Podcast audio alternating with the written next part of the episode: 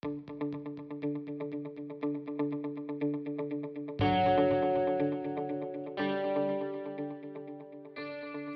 бацгаана сонсогчдоо Лондо одоос намаа мэдчилж байна. Catching up гэд намаа буюу намаатай ярилцсан подкастын маань эхний дугаар хүрэхэд бэлэн боллоо. Хамгийн анхны дугаараараа чиний сэтгэлгийн талаар ярилцъя гэж бодсон. Яагаад тэгэхээр сэтгэлгийн маань аппликейшн хүлээж авах хугацаа нь удахгүй дуусгаж байгаа. 11 сарын 6-ны өдөр. Тийм болохоор тэрнээс өмнө амжаад та бүхэндээ аль болох хэрэгтэй. Магадгүй тэр болгон интернетээс олгоод хэцүү байдаг асуулт, эргэлзээг тайлахад туслах зорилгоор өнөөдрийн подкастаа хүргэж байгаа. Подкаст маань бол ерөнхийдөө сэтгэлгийн үндсэн шалгуур, IELTS, TOEFL бэлтгэх, тэгээд аппликейшн бүглэх, явц, эссе бичих гэх мэтчлэн маш олон сэдвийг хамарж байгаа. Мөн дээрэс нь подкастын маань төгсгөлд 2018 оны тэтгэлэг авсан чивнер залуучууд маань өөрсдийн туршлагыг бас та бүхэндээ хуваалцсан. Зарим сонсогчд маань мэдж байгаах би LinkedIn бас Facebook хаягаараа чивнingтэй холбоотой асуултуудыг хүлээж авсан. Тэгэхээр маш олон хүмүүс их сонирхолтой асуултыг явуулсан байлээ. Тэгэхээр өнөөдөр подкастаа сонсоод асуултынхаа хариултыг хүлээж авнаа гэж найдаж байна. А хамгийн эхлээд өөрийнхөө тухай товч танилцуулъя. Би анх Mongolia Talent Network компаниас карьер эхэлсэн. Recruitment хүний нөөцийн чиглэлээр ажиллаж агаад дараа нь Shackleton Group гэх толгой компанида коучинг буюу тренинг сургалтыг нь хариуцаад бас ажилласан. А яг сүүлийн 2 жилийн хугацаанд гэвэл олон улсын BTS Coach гэдэг компанид зөвлөх болон коучор ажиллаж байгаад энэ жилээс Chivning-ийн тэтгэлгээр Англи Warwick-ийн сургуульд коучинг болон карьер хөгжлийн магистраар суралцж байна.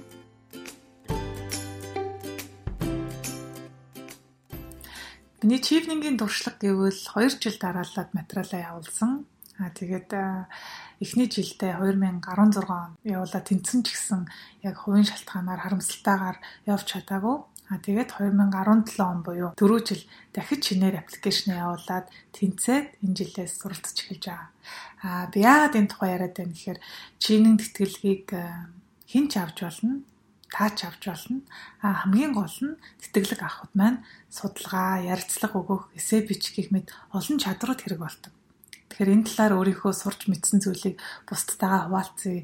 Нэг ч гэсэн хүнд зоригтой өргөтөн туслах гэдэг үүднээс эхний подкастаа бэлтлээ.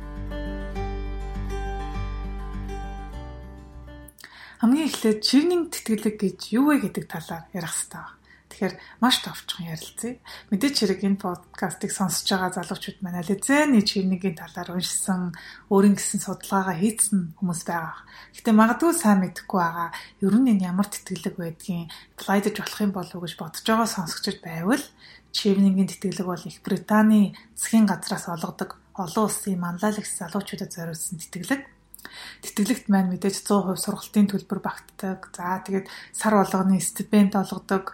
Аа гэхдээ стипенд нь бол Английн аль хотод байгаагаас хамаарат арай өөр өөр хэмжээтэй байдаг. Жишээ нь Лондонд сурж байгаа бол бусад хотод байдгаас илүү өндөр стипенд амжиргааны мөнгө аавна гэсэн үг л дээ. А мөн дээрэс нь Монголоос Англи руу ирж очих онгоцны зардлыг бас санхүүжүүлдэг. А чивний тэтгэлэг авсан хүмүүс маань визэнд мөнгө төлдөггүй Яагаад визний тухай ярьж байна гэхээр Английн виз бүр их өндөр байдаг л да. Би анх хэдэн жилийн өмнө үлээ визэнд орох гээд төлбөрийг сонсож байгаад ямар үнэтэй бэ гэж бодож ирсэн санагдаж байна. Тэгэхээр бас визний төлбөр маань хөнгөвчлөн гэдэг нь бас их том давуу тал л да. Тэгэхээр юу гэсэн үг вэ гэхээр чиний тэтгэлэг маань ерөөсөө 100% санхүүжилттай 1 жилийн магистрийн хөтөлбөр гэж ойлгож байна. Тэтгэлгийн үндсэн шалгуурыг бол залуучууд маань мэдж байгаа. Гэхдээ дахиад маш товчхон дурдхад тэтгэлэг олгодог улсын иргэн байх Монгол улс маань энэ хөл хэсэг багтаг. Аа Английн магистрийн зэрэг тэнцэх хэмжээний бакалаврын зэрэгтэй байх хэрэгтэй. Аа сургууль болгон гэхдээ өөр байдаг. Томоохон сургуулиуд бол яг Mongolia гэж бичээд хайхаар Монголын магистрийн зэрэгтэй бол манай бакалаврын зэрэг тэнцэнэ гэж үздэг бол зарим сургуульд Монгол бакалавр хамгаалсан байхад бас хүлээн зөвшөөрдөг. Тэгээд 2 жилийн ажлын туршлага бас шаарддаг. Энэ талаар хэдүүлээ дэлгэрэнгүй дараа нь ярилцсан. Тэгээд Чивнингийн өөрийн англи хэлний шалгуур тэнцсэн байх хэвээр IELTS-ийн 6.5 оног шаарддаг. Тэгээд суралцж төгсөөд Монгол улстай эргэж ирээд дор хаяж 2 жил ажиллана гэсэн шалгуурууд байдаг. За, аппликейшн хүлээж авах хугацааны хувьд ямар байдаг вэ? Аппликейшн бүглөхөөс өмнө юуг анхаарах вэ гэж хүмүүс асуусан байсан. Тэгэхээр 8 сарын 6-наас эхлээд 11 сарын 6-нд 6-ны хүртэл үргэлжилдэг. А тэгээд аппликейшн бүгэлж эхлэхээс өмнө бол хамгийн чухал нь пассворд, а тэгээд сургуулийн диплом, голч дүн, сонгосон гурван сургуулийнхаа нэрийг мөн хоёр референс буюу тодорхойлогч хүний мэдээлэл бас байх хэрэгтэй. А тодорхойлолт төр нэрээ энэ жилээс өөрчлөлт орсон байлээ. Өмнөх жилүүдэд бол бид нар өөрсдөө PDF хэлбэрээр онлайнаар атач хийгээд явуулчих болдог байсан байхгүй. А энэ жилээс бол тийхгүй тодорхойлолт бүглэх хүнийхээ нэрийг чивнинг өгснөөр нэр болон имэйл хагийг өгснөөр чивнингийн зүгээс тухайн хүмүүстэй холбогдож тодорхойлтыг авдаг болж байгаа юм байна. Энэ бас энэ жилээс орсон өөрчлөлт. Миний хувьд анх удаа аппликейшн бүгэлж байхад яг энэ юу гэсэн үг юм бол энийг наах юм бол маш олон асуудлууд гарч иржсэн л да. Тэгэхээр би яаж тэр асуудлаа шийдсэн бэ гэхээр чивнингийн зүгээс аль бие осоор step by step guide гаргадаг, зөвлөмж гаргадаг. А тэгээд энэ жил ч гэсэн How to apply for Achievement Award 2019-2020 гэж хүчээд YouTube-ээр хайхаар яг тэр мэдээллийг та нар олно. А тэгээд тэр видеогоо үзээд сонсоод тэгээ аппликейшнийг бөглөөд явбал ямар нэгэн эргэлзээ байхгүй илүү амар болох болов уу гэж бодож байна. За тодорхойлт төр бас нэг юм нэмээд хэлэхэд тодорхойлт хүмүүс маань 2 сарын 25-ны дотор л тодорхойлтоо явуулах хэрэгтэй. Тэрнийг осондоо ярилцлах нь тэнцсэн гэсэн тохиолдолд явуулах хэрэгтэй болохоос ш яг одоо тухайн хүмүүс маань чивнийгдээс тодорхойлолтоо явуулах албагүй гэсэн үг. Тэгэхээр магадгүй яарад ч юм уу амжихгүй гэж бодож байгаа залуучуудад маань хэрэгтэй мэдээлэл байх болов уу гэж бодож байна. За, англи хэлний шалгалтын хувьд Chivning маань 5 англи хэлний тестийг хүлээн зөвшөөрдөг. IELTS-ийн оноо 6.5-ыг Аа тэгээ дор хаяж бусад секшнүүд байдаг шүү дээ. Reading, writing, listening, speaking тэ. Энэ дөрөв дээрээ 5.5 байх хэвээр. А TOEFL-ийн IBT оноо бас хүлээн зөвшөөрдөг. Дунд чинь 79 оноо байдаг шиг санагдаж байна. А тэгээ энэ хоёр дээр нэмээд Pearson Academic гэдэг сонирхолтой тест байгаа би дараа нь ярилцсан. А мөн C1 Advanced Trinity гэдэг юм 5 англи хэлний тестийг хүлээн зөвшөөрдөг. За ингээд хэзээ асуулт хариултанд оръё. Хамгийн ихний асуулт ундармаас ирсэн байна. Сайн байна уу намайгч миний өсөж байгаа сургууль маань IELTS-ийн дундаж 7 оног шаардж байгаа. Би IELTS 2 удаа өгсөн боловч 7 оноо ерөөсөө хүрдэггүй. Зөндөө сургалтанд суусан. Одоо оноо маань яг хിവэрээ IELTS-ийн онооноос болоод өссөн сургуультай сурч чадахгүй байхаа гэхээс үнэхээр санаа зовж байна. TOEFL бол бүр хэцүү санагдсан. Энэ тал дээр зөвлөгөө өгвөл маш их баярлах болно шүү. Их баярлалаа гэсэн байна. За баярлалаа ундармаа мессеж явуулсанд. Ундармаас гадна бас олон хүмүүс ойролцоо утгатай мессеж явуулсан байсан. Тэгэхээр би эхлээд өөрийнхөө дуршлагыг хуваалцъя гэж бодлоо. За миний хувьд бол эхний жилдээ цагийн тулгсан асуудал байгаа. Тэгээд би яг тэр үедээ бодож исэн л да. Ер нь IELTS TOEFL-аас өөр ямар шалгалт байд юм бэ? Бүх шалгалт ингэж 2-7 хоног хүлээх хэрэгтэй байдаг юм уу гэд. Тэгээд тэр үед Pearson Academic Test гэдгийг олж мэдчихсэн. Тэгээд харамсалтайгаар Монголд бол яг түүн байгаагүй л те. Тэгээд энэ тестний хувьд бол маш сонирхолтой санагдчихсэн. Яагаад тэгэхээр нэгдүгээр хариу нэг хурдан гардаг. Миний хариу бол баг 1 илүү 2 хоногийн дараа мэйлэр ирчихсэн. А тэгээд хоёрдугаар тухайн apply хийж байгаа сургууль маань яг тэр өгсөн линкээр нь ороод оноогийн шалгах боломжтой заавал их хуваар нь явуулаад байх шаардлагагүй гэсэн үг. А тэгээд хамгийн чухал нь форматны хувьд их өөр байсан. Би тэгээд шалгалтаа өгч гарч ирчээ TOEFL, IELTS-аас ямар өөр шалгалт вэ гэж бодож ирсэн. Яа тэгэхээр та бүхэндээ сонирхуулаад хэлэхэд одоо жишээ нь reading те унших хэсэгтэр бол яг текст уншуулж ирсэн. 4 5 өөр өөр текстүүд уншуулад хэр natural дуудаж чинь чиний pronunciation чинь хэр байна, хэр хурдан уншиж ийн гэх мэтчлэн маш олон зүйлийг давхар шалгах зорилготой.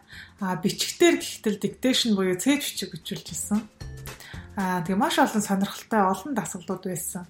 Мэдээч хэрэг бүгдээрээ амархан байгаагүй л те. Ялангуяа ярианы хэсэг нь бол хүнд байсан. Ер нь IELTS-аас хамаагүй хүнд санагдсан. Яриа нь бол ягаад тэгэхээр график чарт үзүүлээд Тэгээд энэ чартыг 30 секундын дотор одоо нөгөө та нар мэдчихэж байгаа IELTS-ийн бичих хэсгийн эхний хэсэг шүү дээ. Яг тэрэн шиг ярина гэсэн үг байхгүй? Тэгэхээр маш өөр төрлийн. Тэгэхээр ундрмын асуусан асуултанд хариулаад хэлэхэд зарим үед IELTS өгөөд, TOEFL өгөөд, олон удаа өгөөд сургалтанд суугаад үнэхээр хүссэн оноогоо авч чадахгүй байгаа залуучууд байж болно дээ. Аа тэгэх юм бол магадгүй өөр тест судлаад үзэхэд. Энэ Pearson Academic тестийг судалж үзээрэй ялангуяа Монголд байхгүй байгаа, Монголоос өөр оронд байгаа энэ apply хийж байгаа хүмүүс бол яг энэ байгаа орныхоо газар очиод өгөхөд бол илүү зүгээрээ гэж би зөвлөмөр. За, Pearson тестийг өгөх боломж байхгүй. IELTS-ийн оноогоос сайжруулмаар байна. Яах вэ гэж байгаа сонсогч байж магадгүй А тэгэх юм бол би нэг номыг санал болгоё. Энд дээр бол би нуршиж ярихгүй яагаад тэгэхээр IELTS бэлдэх групп, за тэгэл олон сургалтын төвүүд, YouTube, онлайн гэл маш олон source та бүхэнд байгаа. Тийм болохоор та бүхэн тэндээс бас илүү тэмчтэй мэдээллийг авах болов уу гэж бодож байна. А зүгээр яг миний туршлаган дээр үндэслээд IELTS өгөхөд бол um, IELTS preparation and practice reading and writing academic students book а бичсэн хүн болохоор Bridget O'Connor гэдэг хүн байгаа аа ногоо хавцтай IELTS гэх томор бичгтэй Oxford Press-ээс гаргасан ном байна. Энэ ном бол миний урд нь харж исэн, уншиж исэн бүх номноос хамгийн сайн ном гэж би дүгнсэн. Яагаад тэгэхээр маш олон дасгалуудтай, мэдээллийн хувьд бас их зэгцтэй маш сайн ном байсан. Тэгэхээр энэ номыг олж аваарай гэж зөвлөмөр байна. За энэ дээр нэмээд хэлэхэд дахиад хоёр асуулт байсан. Хэлний оноо маань хүрэхгүй бол магистрийн зэргийнхээ өмнө сонгосон сургуультаа хэлний бэлтгэлд хийж болох уу? Манай сургуулиас 3 сарын хэлний бэлтгэл сууж болно гэсэн захиа ирсэн гэсэн байсан. За энэ дээр бол товч хариулт бол болохгүй. Чивнэг маань яг нэг жилийн магистрийн тэтгэлэг учраас өөрөө мөнгөө төлсөн байсан ч гэсэн хэлний бэлтгэлийг зөвшөөрдөггүй байна. А зарим хүмүүс бол хэлэхгүйгээр хэлний бэлтгэл суучна гэж бодож магадгүй. А чирнингийн ажилтнууд маань сургуультайгаа холбоотой ойрхон ажилладаг учраас бүх үйл явцын мэдээллийг бас автгаа гэдгийг анхаарах хэрэгтэй.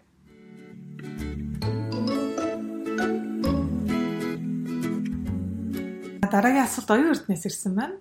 Чифнингийн хариугаа яг хизээ сонссон бэ гэсэн байна. За, ер нь 8 сараас 11 сарын хооронд аппликейшнийг хүлээж авчиж байгаа тий.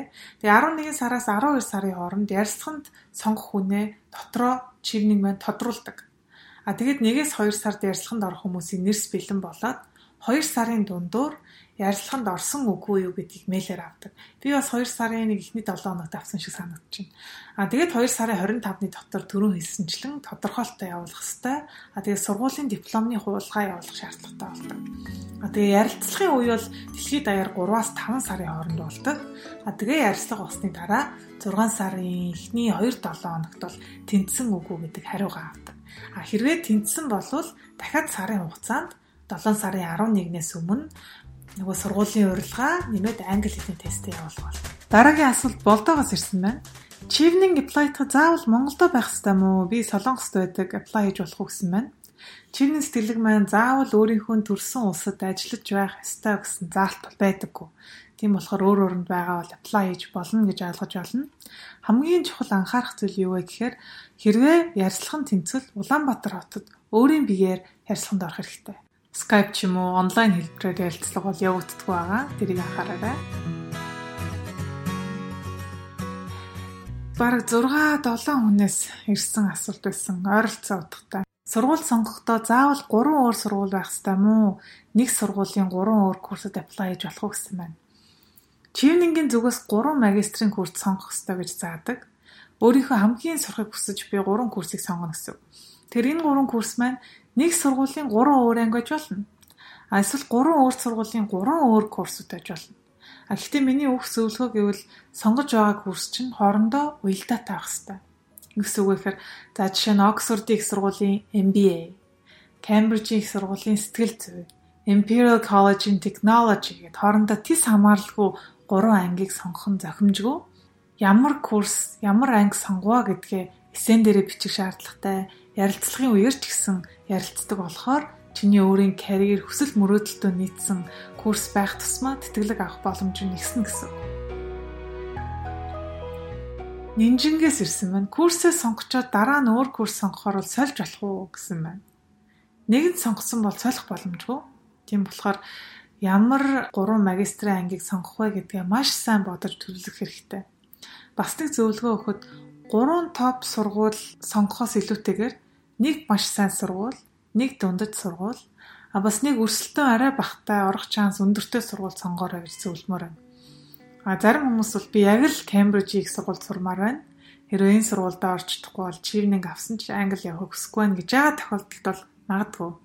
А тэрнээс бусад тохиолдолд бол илүү холыг харж бодох хэрэгтэй. Бас нэг зүйл нэмэт хэлэхэд сургуулийн ранк хийхдээ хүмүүсийг ажиглаад байхад Best Universities in the UK гэж бичээд тэг яг нөгөө листэ хараад 1 2 3 4 5 гэд энэ 5 сургуулийн нэгт л явмаар гэж ярьдаг.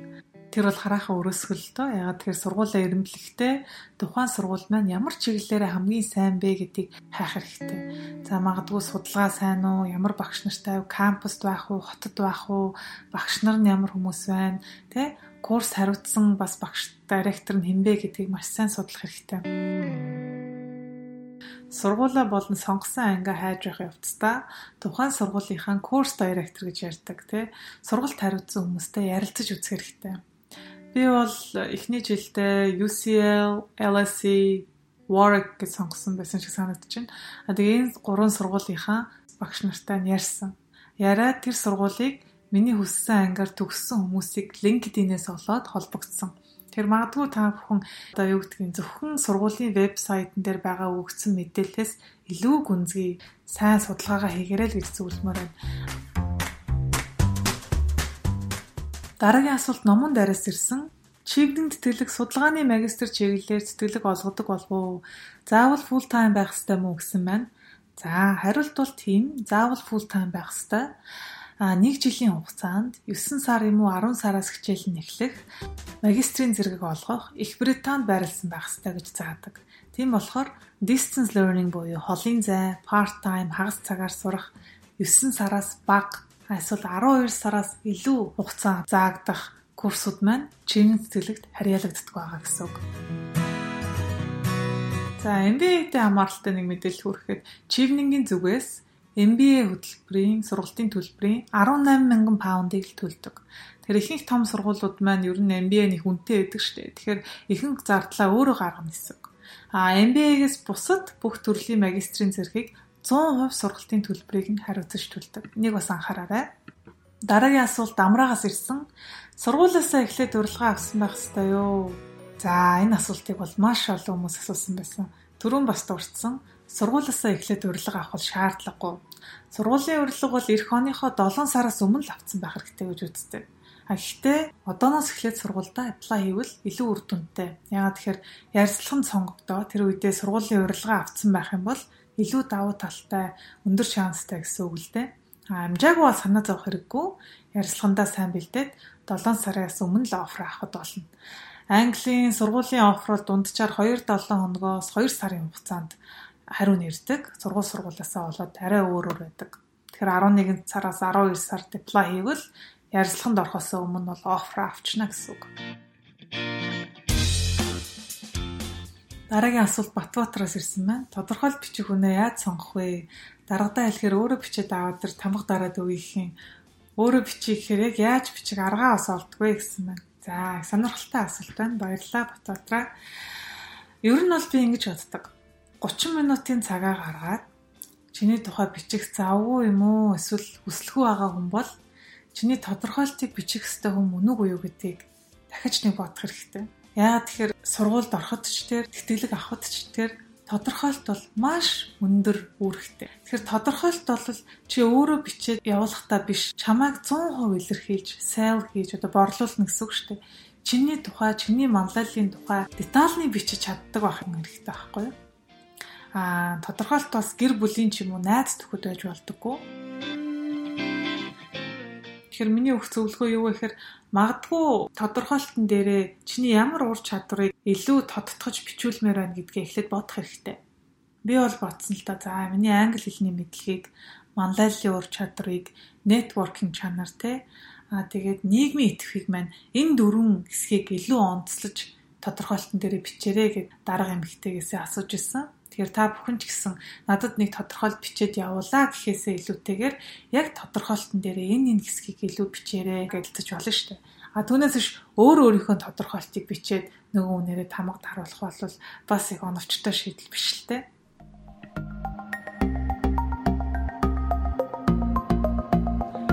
Ажлын туршлагын талаар хит хитэн асуулт ирсэн байсан. Анзаарч байхад ихэнх хүмүүс 9-6 цагийн бүтэн цагийн цалинтай ажлыг л ажлын туршлаганд тооцогдно. Бусад ажил бол тооцохдохгүй гэж боддог юм шиг байлаа. А тэгвэл чивнингийн зүгээс full time буюу бүтэн цагийн, а мөн part time, хагас цагийн, за тэгээд volunteer буюу сайн дурын ажил, а тэгээд цалинтай буюу цалингүй дадлагыг хүртэл ажлын туршлаганд тооцож хүлээж авдаг. А яаж ажлын туршлага туршлага тооцох хэрэгтэй вэ гэхээр 2 жилийн ажлын туршлага маань хэдэн цагийн ажлын туршлага хэлж ийнэ гэдгийг бодох хэрэгтэй. Тэгэхээр 7 хоногтоо дунджаар нь 40 цаг, 35-аас 40 цаг ажиллана гэж бодвол ойролцоогоор 2 жилийн хугацаанд нэг 40-од 7 хоног ажиллаж байна те. Тэгэхээр нийтдээ 2800 цаг. Тэгэхээр дор хаяж 2800 цаг ажилласан байх ёстой л гэж заадаг гэсэн үг. Тэгэхээр магадгүй бүтэн цагаар ажиллаагаа удсан байгаа хагас цагаар ч юм уу сайн дурын ажил хийсэн хүмүүс бол яг тэр цагаа тооцож жагаад 2800 цаг хүрэх нүг үү гэдгээ бодоорой гэж бас зөвлөе.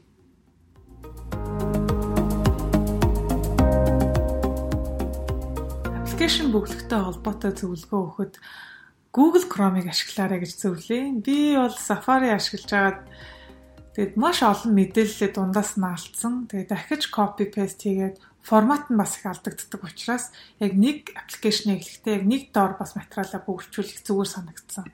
Аа тэгээд бас үгийн тоогоо бас анхаараа гэж зөвлөмөр байна. 100-аас 500 үг байдаг. Тэгэхээр эсээ ч юм уу ямар нэгэн асуултын хариултыг бичихтэй хэдэн үгэн дотор багтааж бичиж нэдгээ байнга шалгаж яваарай гэж зөвлөмөр байна. За одоо хамгийн чухал хэсэг болох эсэний талаар ярилцъя. Тэр манлайллын эсэ, networking ур чадвар, англид сурах сонгосон сургууль, буцаж ирээд юу хийх үү, career plan гэдэг олон эсэ байгаа шүү дээ. Тэгэхээр энэ эсэнүүдээ яаж хооронд нь ангиллах юм, яаж бичвэл илүү амжилттай тэтгэлэг авах боломж нь өндөр байх юм гэдэг дээр ярилцъя. Хамгийн ихний эсэ бол манлайллын эсэ тийм. Манлайллын эсээр бол би эрсдэл авах чадвар нэгдүгээр, хоёрдугаар ажлын туршлагаасаа гадна илүү өргөн хүрээнд бодож эсээгээ бичээрэй гэж зөвлөмөр байна. Заавал олон хүний амьдралыг өөрчлөөд нийгмийн идэвхтэй байснараа манлайлагч лидер бол болдог юм биш. Тийм болохоор яг өөрийнхөө ажлын байран дээр өөрийнхөө амьдрал дээр ямар өөрчлөлт шинжилт хийсэн бусдад хэрхэн эргээр нөлөөсөн гэдгээ маш тодорхой жишээтэйгээр бичвэл зүгээр. Дахиад хэлье тодорхой жишээтэйгээр бичвэл зүгээр. Ерөнхий бичиж болохгүй. А тэгээд чивний сэтгэлийг чиний манлайлалд хэрхэн нөлөөлөв гэдгээ бас илэрхийлэх хэрэгтэй. Би бас энэ жилийн чивнийг авсан нэг хоёр охинтой уулзаад нэг нь Солонгосоос ирсэн байсан. Аа нэг нь болохоор Бразил охин байсан л та. Тэр хоёрын эсэний талаар асуугаад ярилцж байхад бол би одоо сургууль дээрээ ийм арга хэмжээ зохиогоод тэгээд тэр зохиосон арга хэмжээ маань ингэж нийгэмд хүрээд гэд бүр их сургуулийнхаа жишээ хүртэл дурдсан байлээ.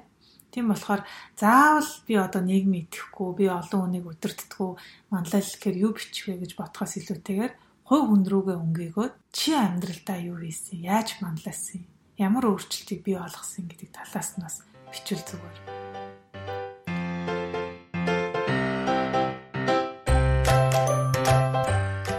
За networking ур чадрын хувьд бол Network хийснээрээ чиний амьдралд яаж нөлөөсөн? Чи ер нь network-ийг юу гэж харж байгаа? Чивнэн авснараа network-ийн ур чадвар чинь хэрхэн сайнаар нөлөөлөх юм гэх мэт асуултыг өөрөөсөө асуугаад бичиж тэмдэглэж авч байгаа бичүүлэх зүгээр. Яа тэгэхээр network гэхээр олон хүнтэй танилцаад нэрийн утас солилцохыг хэлдэм үү? Эсвэл ажил амьдралдаа хэрэг болоход хүмүүстэй танилцахыг хэлж гин үү? Тийм болохоор миний хувьд бол би network сайн хийж network-а ашигласнараа ямар өөрчлөлийг өөртөө болгон нийгэмд бий болгосон гэдэг талаараа илүү ярихыг хүссэн. Нийгэмдээ хэрхэн нөлөөсөн бэ гэдэг э, талаар ярихдаа маш тод жишээтэй детальны бас бичсэн л дээ. Тийм болохоор магадгүй та нар яг нэг хүнтэй уулзаад танилцсанараа амьдрал чинь өөрчлөлт гарсан байж болно шүү дээ. Тэгэхээр network гэдэг үгийг маш өргөн хэмжээгээр нь хараарай гэж бас зөвлөмөр байна.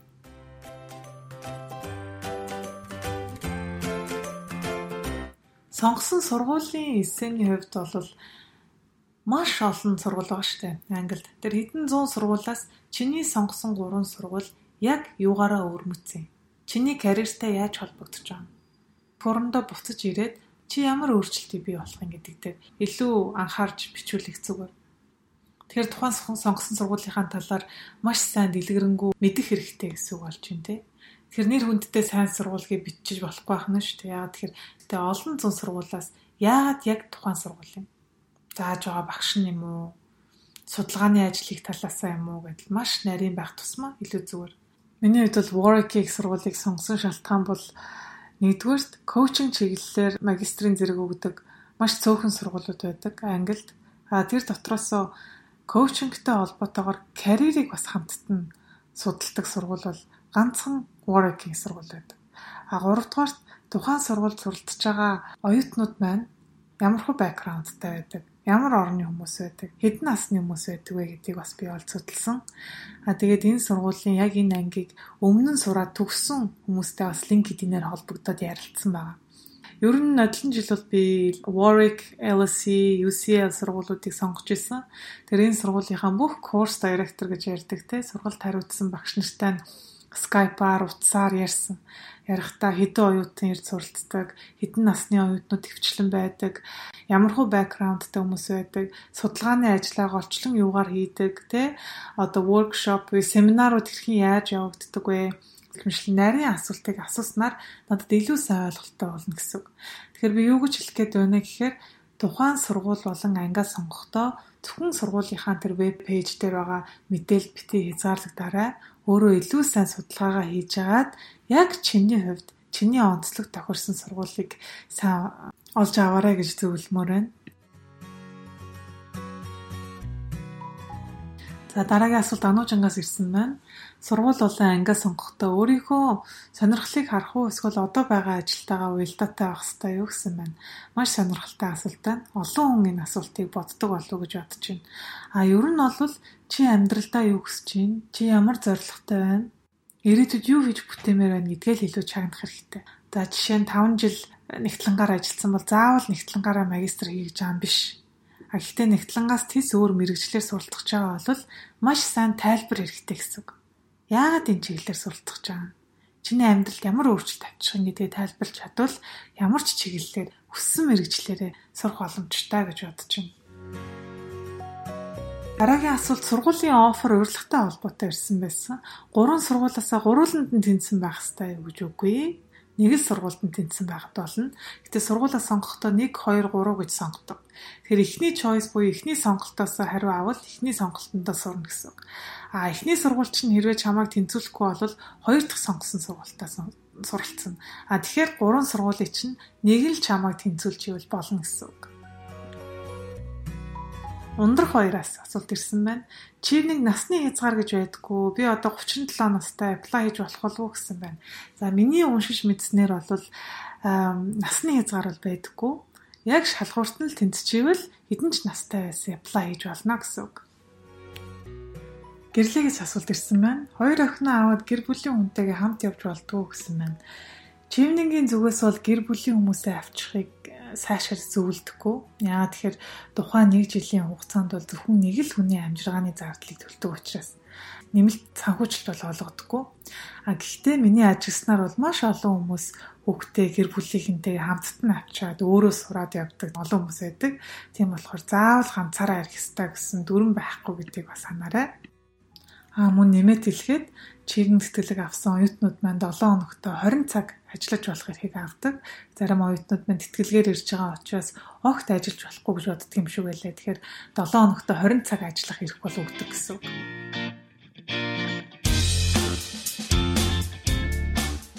За одоо подкастын маань бас нэг чухал хэсэг хэлэх гэж байна. Тэр нь юу вэ гэхээр 2018 оны жишээний тэтгэлэг авсан мундаг залуучуудын маань төлөөлөөд Уянга, Намуна, Идрэ, Золоо дүр маань өөр өөрсдийн туршлага, үнэтэй мэдээлэл зөвлөгөө хуваалцах гэж байна. Ингээд анхааралтайгаар сонсцгоё.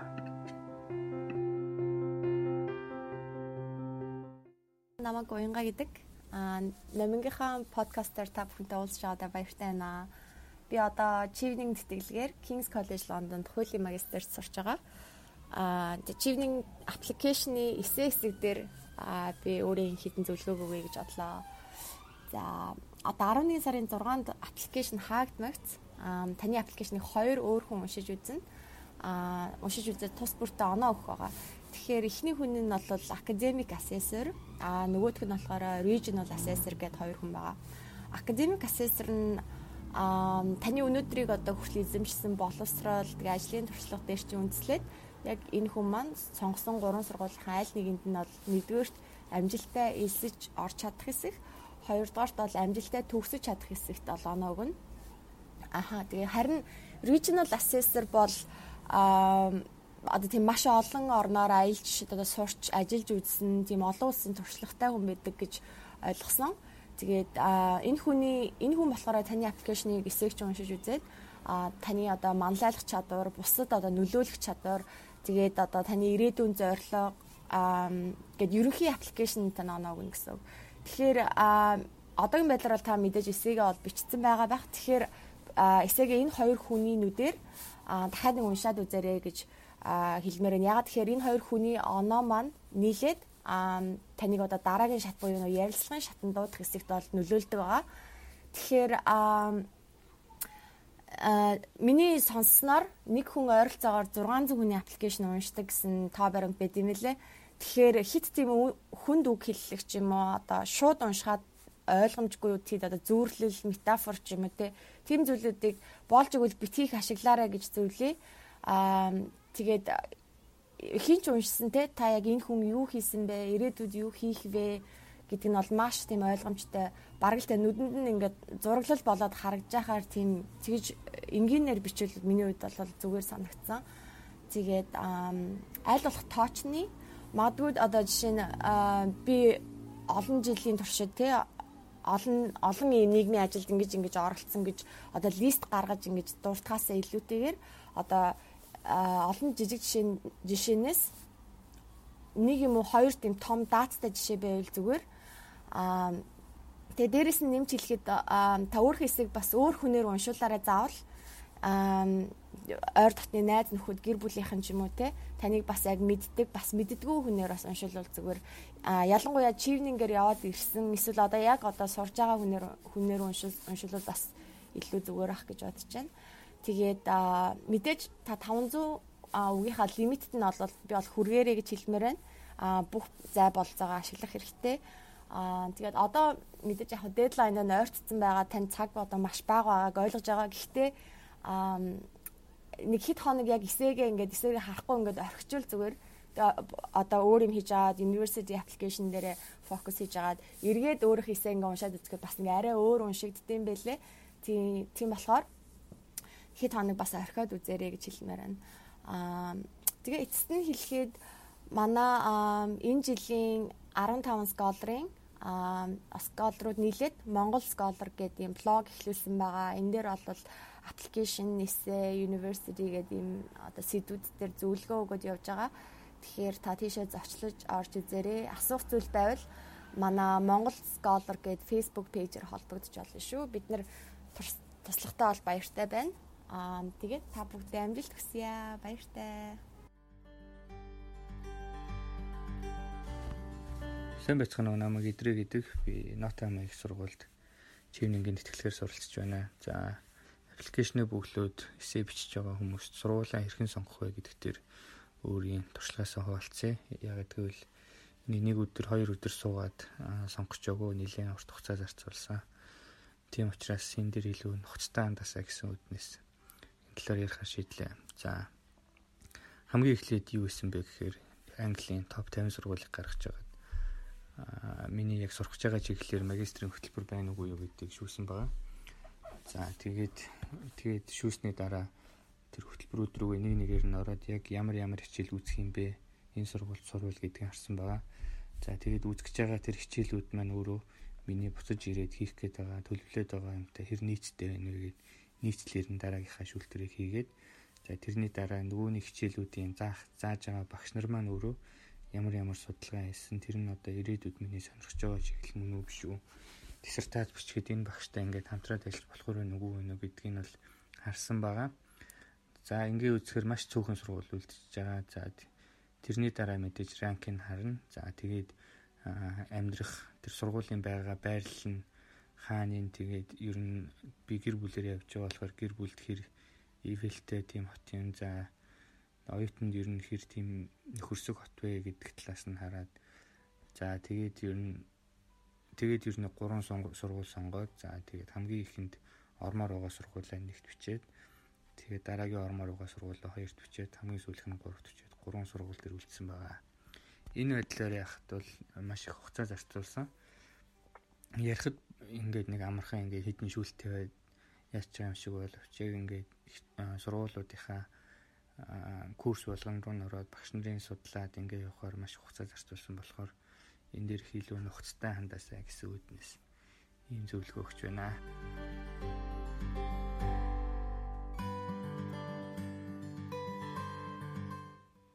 Цаана намайг мөнхтийн намун гэдэг. Би Чивнингийн тэтгэлгээр Английн Cambridge-ийн их сургуулийн Judge Business School-д бизнесийн удирдлагын магистр буюу MBA чиглэлээр суралцаж байгаа. Тийм болохоор MBA чиглэлээр суралцах сонирхолтой залуустаа товч 3 зөвлөмж хүргэх гэсэн юм а. Нэгдүгээрт Чивнингийн тэтгэлэг нь MBA програмын сургалтын төлбөрийг 100% даадаггүй, максимум 18 мянган фунт стерлинг гаргадаг байгаа.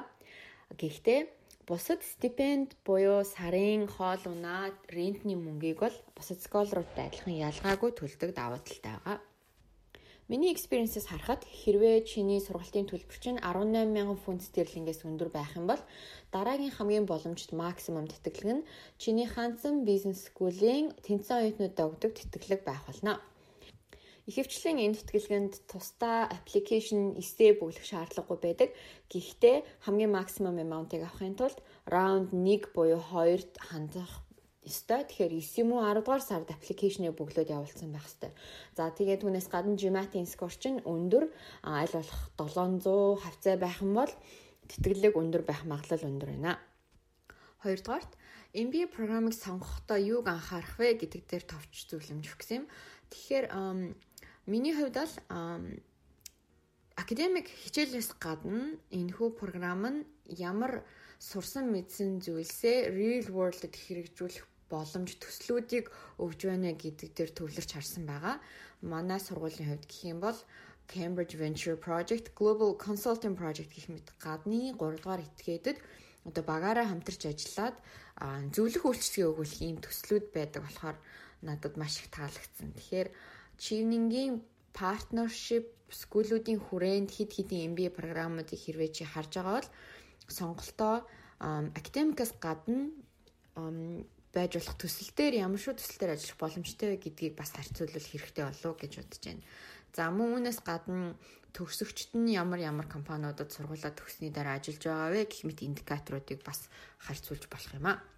За 3 дугаарт буюу сүүлийн зөвлөгөө гэх юм бол ярилцлаганд орохдоо өөртөө ихтэйгээр байгаарэ. Чи эсэндээ өөрийнхөө ойрын болон хитийн төлөвлөгөөг бичсэн байгаа. Тэгэхээр хэрвээ чи эндээ өөртөө итгэлтэй байх юм бол чи ч гэсэн чамаас ярилцлага авч байгаа хүмүүст итгэл төрүүлэх болно. За тэгээд амжилт хүсье.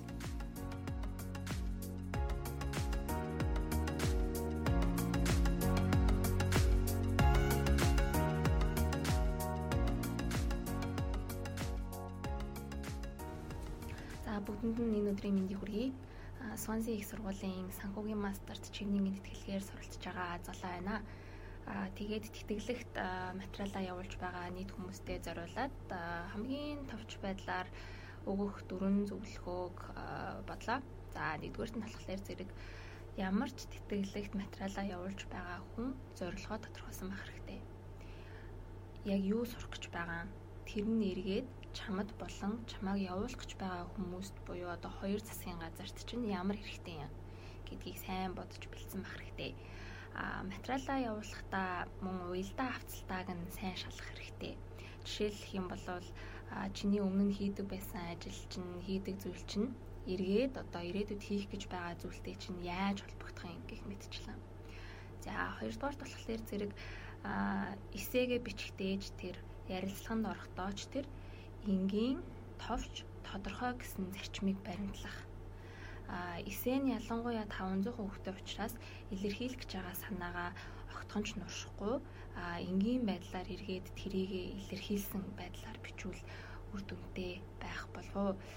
За тэгээд 3 дугаарт нь болохоор зэрэг хийсэн зүйлээ эргээд хянах энэ зарчим бол айгүй чухал. а эсэ бичгтээж тэр одоо интервьюд орохоор бэлдэж байх явцдаач тэр а одоо эргэн тойронд ч байгаа найз нөхөд гэр бүл эсвэл одоо хуучин тэтгэлэг авч исэн хүн одоо хинч байж болно хянуулах хэрэгтэй а хэрв тийм хүн олдохгүй байгаа тохиолдолд одоо бэлдсэн зүйлээ 3 4 хоног хаачаад тэрийгээ эргээд одоо 3 4 хоногийн дараа өөрөө гаргаж ирж халах байдлаар явж бас болно. За тэгээд эцэст нь одоо захиж хэлэхэд ямар ч тэтгэлэгт материалаа өгч исэн одоо тухайн тэтгэлэгт материалаа явуулахаар шийдсэн л бол өөртөө 100% ихтэй байгаад хийж байгаа зүйлдээ өөрийгөө бүрэн дүрэн зориулаарай гэж захиа.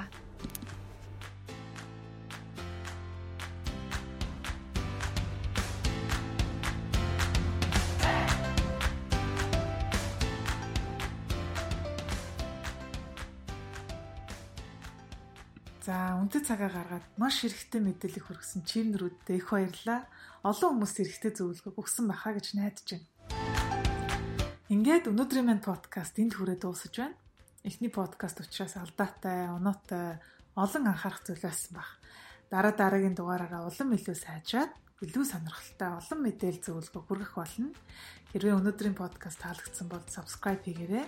Бусад хэрэгтэй хүмүүст нь ч гэсэн хүргээрэй гэж хүсэж байна анхаарал тавьж сонссон бүх сонсогчдод баярлалаа. Амжилт хүсье.